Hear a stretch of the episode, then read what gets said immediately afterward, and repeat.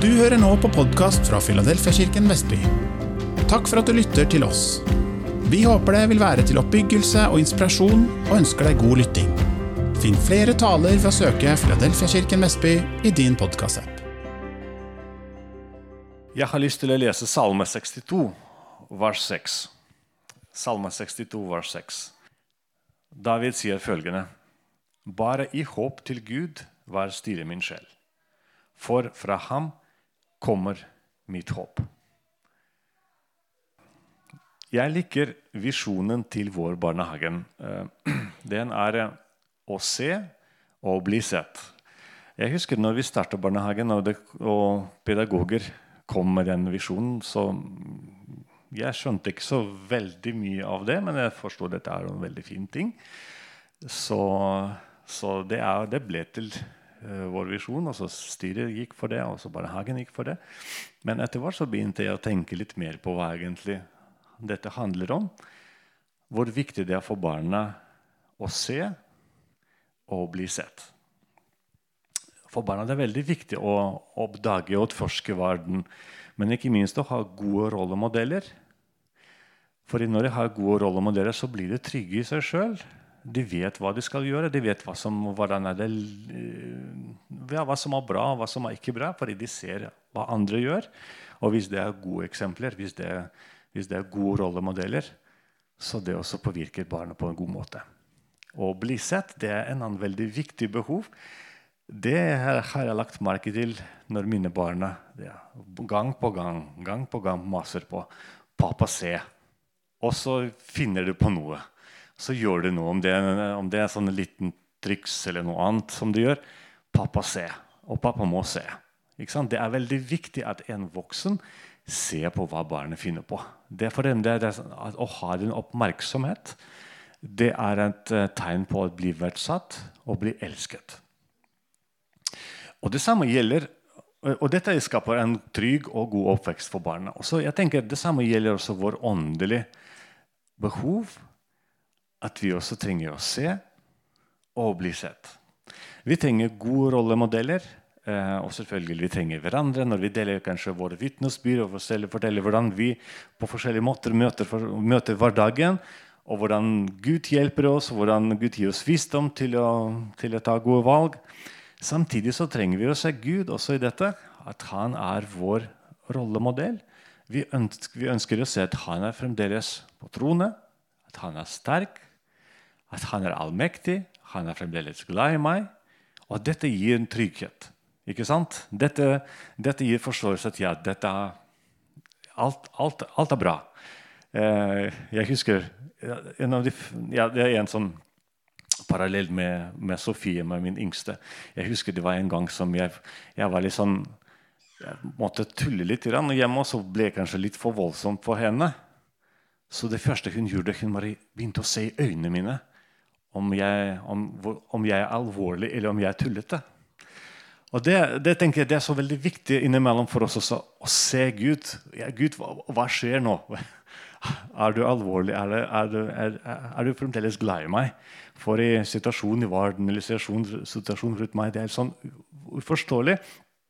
Hvor er du i alt dette? Jeg har lyst til å se deg.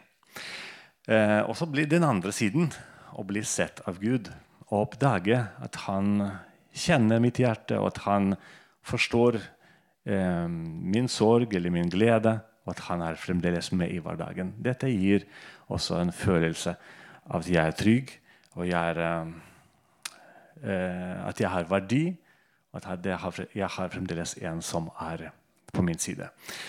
Og, og dette å se Gud eh, David sier i den, salmen, i den salmen bare hos Gud skal jeg jeg leser det som står på skjermen. Bare hos Gud skal jeg være stille. Fra ham kommer mitt håp. Eh, eller som i den 2021-oversettelse nei, 2011-oversettelse bare i håp til Gud var stille min sjel. Dette, det som sies her, at David han faktisk kommuniserer med sin sjel. Han snakker med seg sjøl, og han sier 'Jeg har lyst til å finne min håp hos Herren'. Og Det er en veldig viktig prosess, fordi eh, det finnes mange steder hvor man kan prøve å finne sin trøst, og sin eh, bekreftelse og finne håp. Det kan være at ja, jeg har en familie, stor familie, så ja, jeg føler meg trygg når jeg er sammen med dem. Når ting er vanskelig ja, men det går fint, jeg har fremdeles litt penger på konto. Eller ja, det er litt sånn Det er mye influense, men det går så fint. Jeg tok vaksinen. Eh, det er flere steder hvor man kan prøve å finne håp eller å finne trøst. Jeg vil si at dette er en veldig viktig ting. At håpet er noe som gir oss trøst. Håpet er noe som på en måte hjelper vår sjel å komme til ro tilbake. Og vi sier Jeg har ikke lyst til å finne andre kilder som skal roe meg ned. Jeg har ikke lyst til å ha andre verken mennesker eller, eller ressurser som skal roe min sjel ned og så si ok, nå har jeg det bra fordi jeg har den og den onkel, eller, eller fordi det er den ja, det, det, er den summen jeg har. Men han sier jeg har lyst til at min sjel skal trøstes og være stille hos Gud. Fordi alt annet kan svikte, alt annet kan forgå, men Gud han står fast. Han er trofast til alle tider. ikke sant? Um, og dette oppdaget David. Uh, og en sånn oppdagelse kan også, vi også må finne uh, og så, så mer, Jo mer vi begynner å bli kjent med Gud, og det som jeg begynte med, at vi skal se Gud. Og måten hvordan vi kan se Gud på, det er å begynne å gå inn i Guds ord. Først og fremst, kanskje. Når vi går i Guds ord, så begynner vi å se Han som Han er. Jeg husker jeg hadde en periode i mitt liv når jeg var ganske urolig om, om fremtiden og sånn andre ting. Så som, plutselig fikk jeg en tanke. Jeg skal lese salmebøkene. Og jeg skal skrive ned alt jeg finner om Gud. Så tar jeg salme nummer én og så begynner jeg å skrive. ok, eh, finner at ja, Gud skapte mennesker. At eh, han er, støttende, eh, han er oppmuntrer og de rettferdige. Urettferdige skal få gå, men, men, men de rettferdige de skal stå fast. Og ja, Da skriver jeg om det. Gud er han som gir styrke til de rettferdige. Så kommer til salme nummer to, og så salme nummer tre osv. Gud beskytter. Ok, Gud er den som viser veien. Han, hans ord er lys for min sti, osv. Altså, etter hvert, når man begynner å se, eller liksom begynner å analysere dette, etter hvert så begynner man å skape et bilde om hvem Gud er. Ting som kanskje man visste fra før, man begynner å glemme. Og så plutselig blir det fornyet. Ja, Gud er sånn, Gud er sånn, Gud er sånn. Og så etter hvert så kommer den roen i hjertet. Man får den tilbake, den trøst hos Gud, fordi du ser at egentlig jeg har ikke noen grunn til å bekymre seg for noe, fordi det går gang på gang i Bibelen. At Gud er sånn, Gud er sånn. Han er med. Han, han, han forlater oss aldri. Han vet uh, antall hårstrå på min hode, og, og, og, mye mye mer. Så når man går i dybden, så begynner man å se Gud mer som han er. Så får man den trygghet tilbake. Og så Når det kommer situasjon, når du trenger å ta et valg, så plutselig det første du kommer på ja, men dette jeg leste om i går at Gud, er, eh, Gud, skal være med. Vet du hva? Det skaper troen. Skaper troen på at Gud er, eh, Gud er med. Gud er på min side. Eh, og troen Jeg hørte fra en, fra en predikant, Robert Morrison, han sier troen det er når du hører en informasjon, og den overrasker deg ikke. Eh, hvis du hører informasjon, så f.eks. hvis man tenker ja, ja, nå ble jeg syk ja, men det, ja, egentlig, jeg, var redd at det kommer til å skje. Da, da betyr det at du hadde sånn en overtro eller vantro. At ja, det, det, overrasker deg ikke at du blir syk. Men når du blir syk, så tenker jeg å, har jeg blitt syk? Hvorfor det? Det betyr at egentlig man har en tro at Gud, skal, uh, Gud, Gud er med, og han, han, støtter deg. Og oi, skjedde det i mitt liv? Ja, ok, Det var litt rart, for egentlig Gud, Gud skulle passe på meg. Ja vel, men da får vi se hvordan, hvordan dette skal ordne seg på, på, en måte. Så å ha tro det når du får, får en beskjed Men dette overrasker deg ikke, fordi du vet at Gud er god. Ja, ja, ja Gud, Gud helbredet meg. Men selvfølgelig, han jo helbreder. Ja, han, han, han, forsørger meg. Ja, men selvfølgelig, det, det, det, er han. Han gjør det hver dag. Um, og det som David sier, han sier at um, Nei, ikke David. Bibelen sier i Jesajas, brev, Jesajas bok, kapittel 40, vers 30 og 31, så står det skrevet følgende, her. Gutter blir trette og mødige, og unge menn snubler. Men de som venter på Herren Å vente på Herren det er samme uttrykk som brukes for å, i russisk bibelen de som legger sin håp, legger sin håp i Gud og venter på Herren. De som venter på Herren, får ny kraft. Løfter vingene som ørner. De løper og blir ikke trette. De går og blir ikke mødige. Den som legger sin håp i Gud, den som venter på Herren, han får styrke.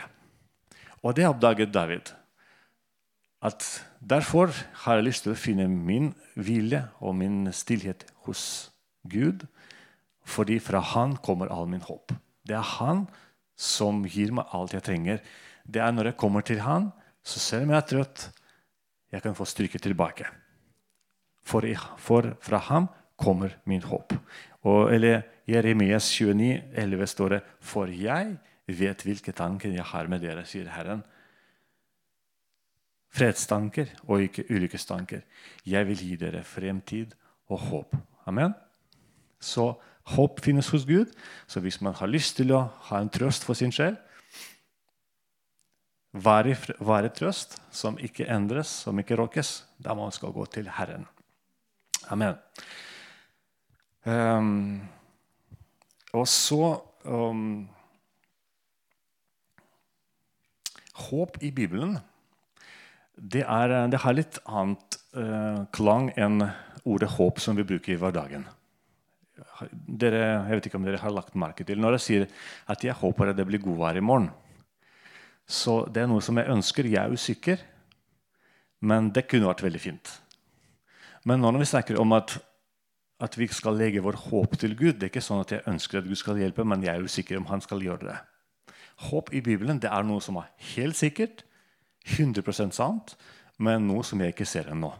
Sånn for Når vi snakker om vår evige håp, det er at døde skal stå opp fra, fra, gravene. Vi snakker jo ofte om det. Eller vi snakker om det innimellom, spesielt når man er i begravelse. så snakker man om det evige håpet. Vi ser ikke det ennå, men vi vet at dette skal skje. Eller f.eks. at Jesus skal komme tilbake på jorden. Han har ikke kommet ennå, men vi vet at dette skal skje, og dette er håp. Eh, og I håpet så ligger flere andre løfter. Det er ting som skal være i framtiden, Kanskje ting som vi ikke ser ennå, men vi kan trøste oss med det allerede. Fordi, uh, helt ærlig, så jeg, For meg det er trøst at Jesus skal komme tilbake. Noen syns det er litt skummelt, men jeg syns dette blir veldig bra. Innimellom syns jeg åh, du burde komme allerede. Det kunne vært kjempefint at uh, nå skal vi kunne bare sånn gå over til det evige. Fordi det er så mye kaos, det er så mye urettferdighet her. Så dette er ting som på en måte man lengter etter, og så trøster seg med. Ja, ok, jeg, jeg får, vi får kjempe litt til. Det er sikkert en mening med det. Eller f.eks. når man gjør en tjeneste for Herren, og som ingen ser det. Så det er også en håp at ja, vet du hva? Men Gud vet. Han er rettferdig, og han belønner de som, de som, de som han kjenner. Amen. Eh, så jeg syns det er så fint med å ha en sånn håp som, som gir trøst i vanskelige tider. Når du på en måte er, er i å gi opp, og så plutselig finner man sånn en, finnes et litt til Herren, og så sier ok, nei, vet du hva? det er ikke over ennå. Vi, vi, går videre, For i det finnes noe mer. Så, og Dette er håp. Det er en løfte som man har i fremtiden. Vi kanskje ikke ser det, men det er noe som vi allerede kan glede seg over eller trøste oss med. Eh, og Salme 37, 5, Salme sier veldig mye faktisk om dette. og, og, og og stole på Gud. Og, ja. og så Salme 37, vers 5 sier Legg din vei i Herrens hånd. Stol på ham, så griper han inn. Um, dette er en sånn interessant Legg din vei i Herrens hånd. Hva, hvordan, hvordan, altså, hvordan, føles dette hos deg? Man, uh, det, for meg det føles at Hvis man har for en, en eller annen gang en byrde eller sånn som han skal og så har man sagt dette ut til noen eller i bønn til Gud, og så plutselig letta det. Ok, jeg bare sånn, Og så bare la det ligge der. Ok, Jeg på en måte har lagt det fra meg. Og det samme også her, her er det noe lignende. Legg din vei i Herrens hånd. Jeg har mine planer, jeg har sånne ting som, som jeg har lyst til å gjøre. Gud, du vet alt dette. Jeg legger til deg, så jeg tar den dagen dag som, som, den er. Jeg lever den dagen, og så du vet hvordan dagen i morgen bringer. Og jeg har lyst til å stole på deg. Du kjenner mine lengsel, du kjenner, du kjenner mine ønsker. Men jeg gir all dette til deg. Uh, også en rent praktisk situasjon, hvordan dette kan eh, man se i Bibelen. Det er en sånn historie fra Nytestamentet allerede. Når Paulus var på vei til Jerusalem, og så på flere steder så får han en sånn beskjed at uh, profetisk ord sier at du skal bli arrestert. Og, og, så flere av hans venner begynner å stoppe han. Vær så snill, ikke gå til Jerusalem, for, det, for det, du, blir, du, blir, arrestert der. Og de prøver og prøver, og Paulus han, han la, gir, ikke, gir, seg ikke. Han bare Nei, jeg skal til Jerusalem. Jeg skal dit. Og så til slutt uh, det, det brukes, som brukes nesten samme, samme, samme ordspråk, uh, liksom samme ordtak. da, Apostelens gjerninger 21, 14. Vi, ikke, uh, vi klarte ikke å overtale ham og slo oss til ro og sa Herrens vilje skje. Ikke sant? Det, sånn, ok, nei, nei okay, vi, det nytter ikke. Vi prøvde alt mulig. Vi prøvde å sånn, snakke til fornuft. Vi prøvde å sånn, gråte for Paulus, men han, han var urokkelig. Ok, la Guds vilje skje. Man bare legger ting i Guds hender. Man legger den veien i Guds hender og så sier ok, la Guds vilje skje. Så dette er også en, og så finner man på en måte litt ro og trøst. Man ser at ok, dette er en situasjon som er over meg. Jeg, jeg makter ikke å gjøre noe med det. Jeg bare gir det til Gud. Så man ikke på en måte gir seg, gir opp, på en måte, men man legger det over til Guds autoritet. Og så sier Gud jeg har lyst til at du skal, eh, du skal ordne på den måten som du gjør det. Og jeg skal ikke bekymre meg. Jeg skal bare, jeg skal bare se hva, hva, hva skal du gjøre. Og vi vet at Dette var jo litt, litt uh, dramatisk situasjon. Paulus ble arrestert. Han var i, i, fengsel et par år. Men resultatet av dette Vi har jo en fantastisk historie om, om hvordan han uh, hvordan han var i hav på havet, hvordan det var sånn uh, kom i stormen. ikke sant? Det er så mye som skjedde der. Hvordan en, en, høvding på Malta ble helbredet. Og så Paulus gikk til, til Roma og forkynte for Keiserus. Dette var jo mye spennende som skjedde. Eh, så livet var ikke over.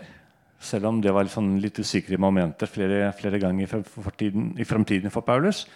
Men han, både han og menigheten lagt Paulus i Guds hender. Og det var en ganske spennende reise etterpå. Eh, og så sier historien at Paulus ble ikke eh, henrettet etter den hendelsen. Han faktisk ble frigjort, og så tjente Gud i flere år etterpå. Eh, det finnes flere synonymer som sier hva, om dette, om kan, hva det vil si å ha håp til Gud. Den andre eh, urtak som allerede ble nevnt, det er å vente på Herren. Og Det er litt sånn interessant, for når jeg hører, når jeg hører noen sier 'vent på meg', det betyr at jeg løper kanskje litt for fort. Er det ikke det? Når de sier 'vent på meg', så det betyr at jeg, sånn, jeg går litt foran andre. Og de ber at jeg skal gå litt saktere. Eh, det kan hende at ofte vi prøver å løpe litt for fort i forhold til Guds tempo òg. At, eller, eller, i hvert fall i våre tanker er vi liksom litt mer urolige for ting som ligger foran oss. Eh, og, og, vi vil gjerne vite det, mens Gud sier men vet du hva, slapp av. Ta, lev i dag. Eller som, som Trond preka en gang lev i nuet. Så, så, kommer dagen i morgen, så, så blir det en, en ny veistykke. Så i dag har du den, den delen av veien, så bare vær fornøyd med det. Gjør det beste hva du kan gjøre i dag. Finn din trøst og vent på Herren her og nå. Det betyr ikke å være passiv. Det betyr å ha tillit til Gud i dag. At Gud skal uh, ta hånd om oss i morgen også. Uh, også En annen uttrykk som innimellom brukes for å som kan også forklare hva det vil si å ha håp til Gud, det er å tro Gud. Ikke tro på Gud, men tro Gud. Vi snakket om det på, på onsdag på, på kontoret med Ingunn hva er forskjellen mellom disse to uttrykker. Og det er litt sånn Å tro på Gud det er å tro på at Gud fins. Uh, det kan selvfølgelig bety mye mer. Eh, men ofte det er litt sånn inform tro om noe. Eh, mens tro Gud handler om kanskje litt mer om å ha tillit eller å handle på noe konkret ord fra Gud. Og det er også der eh, Jesus, for eksempel, når han Husker dere historien når Lasarus døde? Da ble begravd. Og så eh, Søsteren hans gråter. Og så kommer Jesus og så sier Hva er den som lever og tror på meg, skal aldri i evighet dø. Og så avslutter han. Tror du dette? Så hvis man tror dette, så dette også gir en trøst. Det gir litt sånn eh, Det gir hvile. Og vi vet at Lasarus han, eh, han står opp fra de døde. da. For når Jesus kommer og sier 'tro meg', så det betyr at han har en plan. Amen. Så vi skal bare følge sammen med han. Å tro Gud, eh, det kan bety så mye. Det kan bety at eh, F.eks. holde fast ved Guds løfte, som i den situasjonen. Jeg er oppstandelse i livet. Tro meg. Ikke vær urolig. Selvfølgelig man kan ha trøst hvis man mister for noen. Men finn trøst hos Herren, for det er ikke over. Jeg er, jeg er med. Jeg kommer til å, jeg, jeg fremdeles holder eh, situasjonen i, under kontroll. Eller f.eks. husker dere en historie med Sid, og Abednego, som, uh, som fikk beskjed at nå skal dere bøye foran den avguden, ellers så, ellers så skal dere inn i ovnen. Og så sier de De sier vi trenger ikke svare deg et ord på dette. Og så skal være makt, eh, om så skal være, makter vår Gud som vi dyrker, og rede oss og frelse oss fra den glødende ovnen og fra din hånd, konge. Og om han ikke gjør det, skal du vite, konge, at vi vil ikke dyrke din Gud og ikke tilbe gullbildet du har reist. De har tillit til Gud. Og som Paulus sier, hvis vi har tillit til Gud bare i dette livet, så vi er det faktigste folk. Og disse menneskene sier vi tror at Gud er i stand til å forsvare, eh, forsvare oss, selv om vi går i ovnen. Men om ikke han gjør det, da tror vi på han likevel. Vi fremdeles eh, tror på han, vi fremdeles tror ham, og vi skal være tro til Gud. Og tenk på det å ha en sånn tillit til Gud. Ikke sant? Um, det finnes altså en annen uh, no, Fram til nå så det var snakket ofte at man kan hvile, man kan senke skuldrene. Dette kan, det, kan, det kan bety å, å, ha håp eller ha tillit til Gud eller vente på Herren. I noen tilfeller det også kan være at man må være litt mer aktiv faktisk, hvis man venter på Herren. Eh, eller hvis man hvis man har sin styrke hos Herren og har håp til Herren. Som en historie også fra Gammeltestamentet. Eh, når David han var fremdeles på flukt fra, fra, Saul, så flyktet han en gang til, til Filisterland, og så var der en stund. Og så var han, var han ute med sin, med sin hær. Og mens han var borte i det stedet hvor hans familie og deres familie bodde, så kom det fiender. Og de tok til fange alle kvinner og barna, og så gikk. Hørte, dere husker dere historien? Også David og soldatene hans de kommer tilbake til sin, sin, sin, sin by, og så finner de der ingen der. Og at her var det fiender. Og folk var så skuffet og så, eh, så såret at det står at de hadde lyst til å steine David til døden. De var så, de var så opprørt på han. Også at, ja, at det var en god, dårlig leder. Men så står det der, det er eh, Samuel 30, eh, vers 6 eh, Det står at selv var David i store vanskeligheter. Folket sa at de ville steine ham. Så harme og sorgfulle var de alle fordi sønnene og døtrene deres var bortreist. Men David søkte styrke hos Herren sin Gud.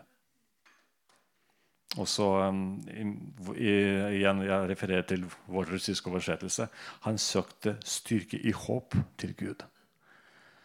I dette, så forprøvde han, i dette søkte han trøst hos Gud. Ja, situasjonen er elendig, men, men jeg har en allmektig Gud. Jeg har en Gud som gir meg styrke. Og så det neste han gjør, han sier, han, han roper etter presten og sier 'kom' så skal vi be og så skal vi spørre om vi skal, om, om vi skal gå og krige for å få tilbake våre kvinner og barn.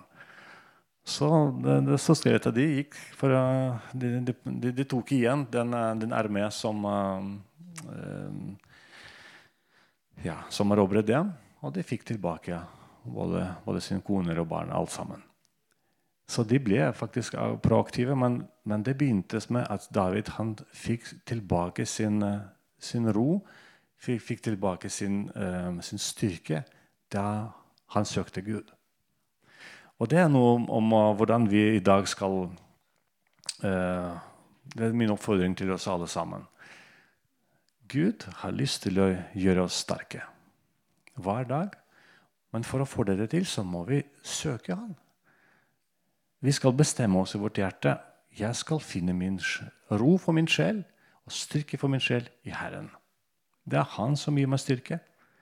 Det er Han som er min skjold, det er Han som er min svar, det er Han som er min rettferdighet.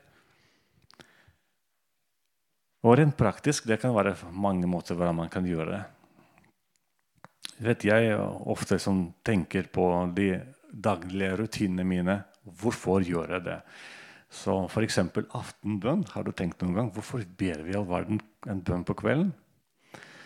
Jeg tenkte litt på det. Uh, ja, hvorfor gjør jeg det? Jo, det er jo fint selvfølgelig å takke Gud for dagen som har vært. Man også kan oppsummere litt dagen, litt sånn, uh, takke for konkrete ting. Også. Men så tenker jeg en, en, ting som jeg begynte å gjøre i siste, det er å legge natten i Guds hender. Fordi det er sånn det er åtte, ja, mellom seks og åtte timer i døgnet når jeg er si, bevisløs. da. Jeg, jeg, og, og, hvis jeg sover, så jeg bare hører etterpå hva jeg sa. 'Sofie var nede hos oss, og jeg måtte gå med henne opp igjen.' Jeg hørte ikke det. Jeg sov. Så, så det er ganske mye som skal skje i løpet av natten, som jeg ikke registrerer. Og så dette å bare legge disse tidene når du ikke har kontroll sjøl, i Guds hender og si Gud, nå skal jeg hvile, nå skal jeg sove. Men du sover ikke. Derfor jeg overgir all dette til deg. Jeg har noen bekymringer, men jeg har lyst til å legge dem fra meg nå. Jeg vil sove, og i morgen så blir det en ny dag. Nye muligheter du kommer til å velsigne. Det er så deilig daglig øvelse også legge ting i Guds hender. Og spesielt, ja, og jeg, jeg forstår det finnes uh, situasjoner og perioder når man, man, sover veldig dårlig. Og Det er altså veldig viktig at vi ber om dette. Og hvis man har problemer med søvn, så kan man så be for det. Jeg vet at Gud tilbereder. Men i praksis så det å legge ting i Guds hender på kvelden, det er veldig deilig. Uh, en annen ting som, som, er veldig interessant, det er uh, kan, hvordan kan vi ha tillit til Gud i hverdagen, det er Jeg tenkte på det når jeg var på konferanse før i uke så, eh, for pastorer, og så snakket vi om sabbatsdag. Eh, at pastorer kan ikke jobbe sju dager i uka. De må ha en dag fri. Og så det var en pastor som sa Gud jobbet i seks dager, og så syvende dagen så hvilte han. Så hvis du jobber på sabbatsdag, du jobber i din kraft, fordi Gud hviler. Gud hviler, så hvis du jobber den sjuende dagen, da, da må du kjempe i ditt egen kraft. Fordi og, ja, det er noe sånt i det. Men det er også en, en, en viss tillit til Gud som man kan ha. For uh, å, å, ha tillit til Gud, at Gud kan velsigne også meg både økonomisk og på forskjellige måter mens jeg hviler. Det var vi, vi, vi ofte som snakker om at ja, mens jeg arbeider, så Gud vil velsigne oss. Men det er også en løfte at mens vi hviler, så Gud kan også velsigne oss. Fordi når vi hviler, så har han en arbeider. Og hvis for jeg sover, så har han en våken.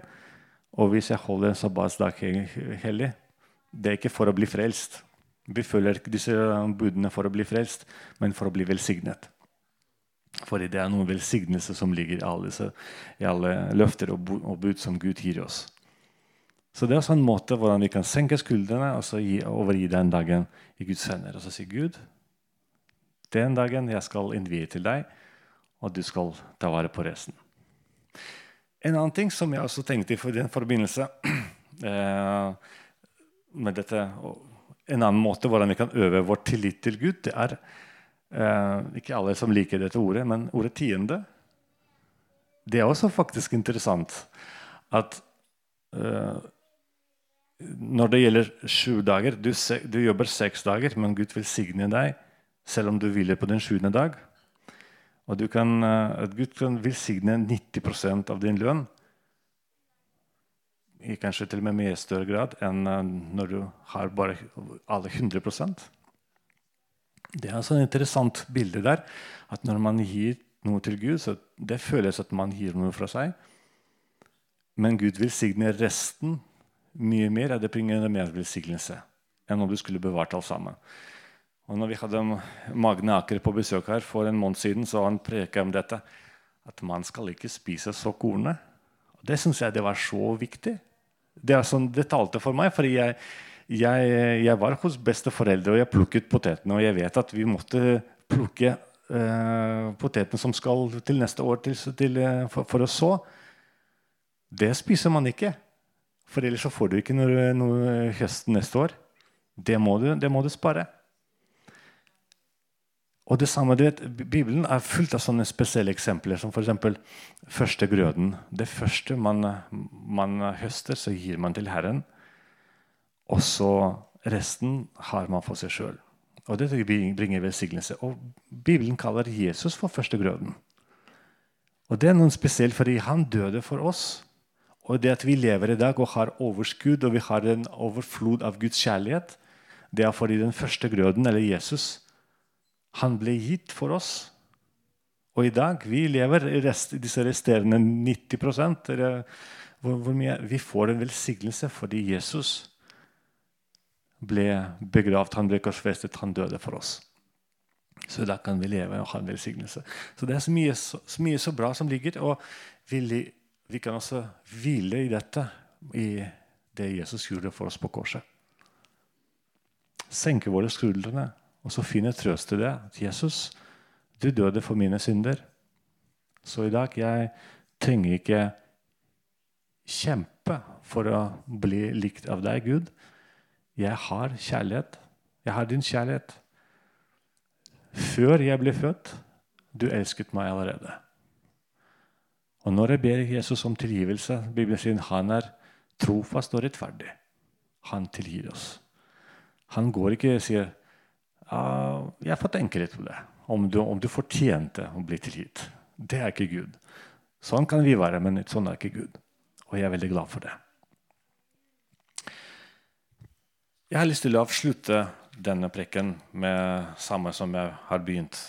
Det er bibelverset. Bare i håp til Gud, vær stille min sjel, for fra ham kommer mitt håp. Vi kan finne ro hos Jesus. Og det er den tryggeste stedet å ha. Eh, det, jeg mener, det er det tryggeste, den, den beste trøst man kan få. Guds løfter svikter oss aldri. Amen. Og hvis Guds, eh, fordi all dette håpet til Gud bygges på hans karakter, på hvem han er. Ikke på hva vi har fortjent, men hvem han er. Han, er, han elsker oss ikke fordi vi har fortjent det, men fordi han er kjærlighet. Han viser oss nåde ikke fordi jeg gjorde noe så jeg fortjener nåde, men fordi han er nådig. Det er bare sånn han er.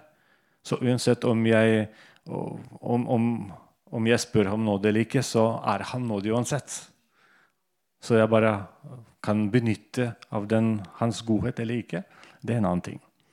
Så la oss, eh, la oss søke vår håp hos, hos Gud. Altså når man har et vanskelig når man vet ikke hva dagen i morgen skal bringe. Det kan være høye pris, strømpriser. Det kan være uh, matprisene eller usikkerheter med jobben eller andre ting. Gud, Gud, han er trofast. Amen. Han er i morgen allerede. Han vet hva dagen i morgen bringer. Og han skal, jeg skal aldri forlate deg. Du er min sønn, du er min datter. Jeg skal være med deg. Amen. Er du nysgjerrig på Jesus og har lyst til å lære mer? Da er du hjertelig velkommen hos oss i et varmt og inkluderende fellesskap. For møteoversikt, aktiviteter og mye mer, se filadelfiavestby.no.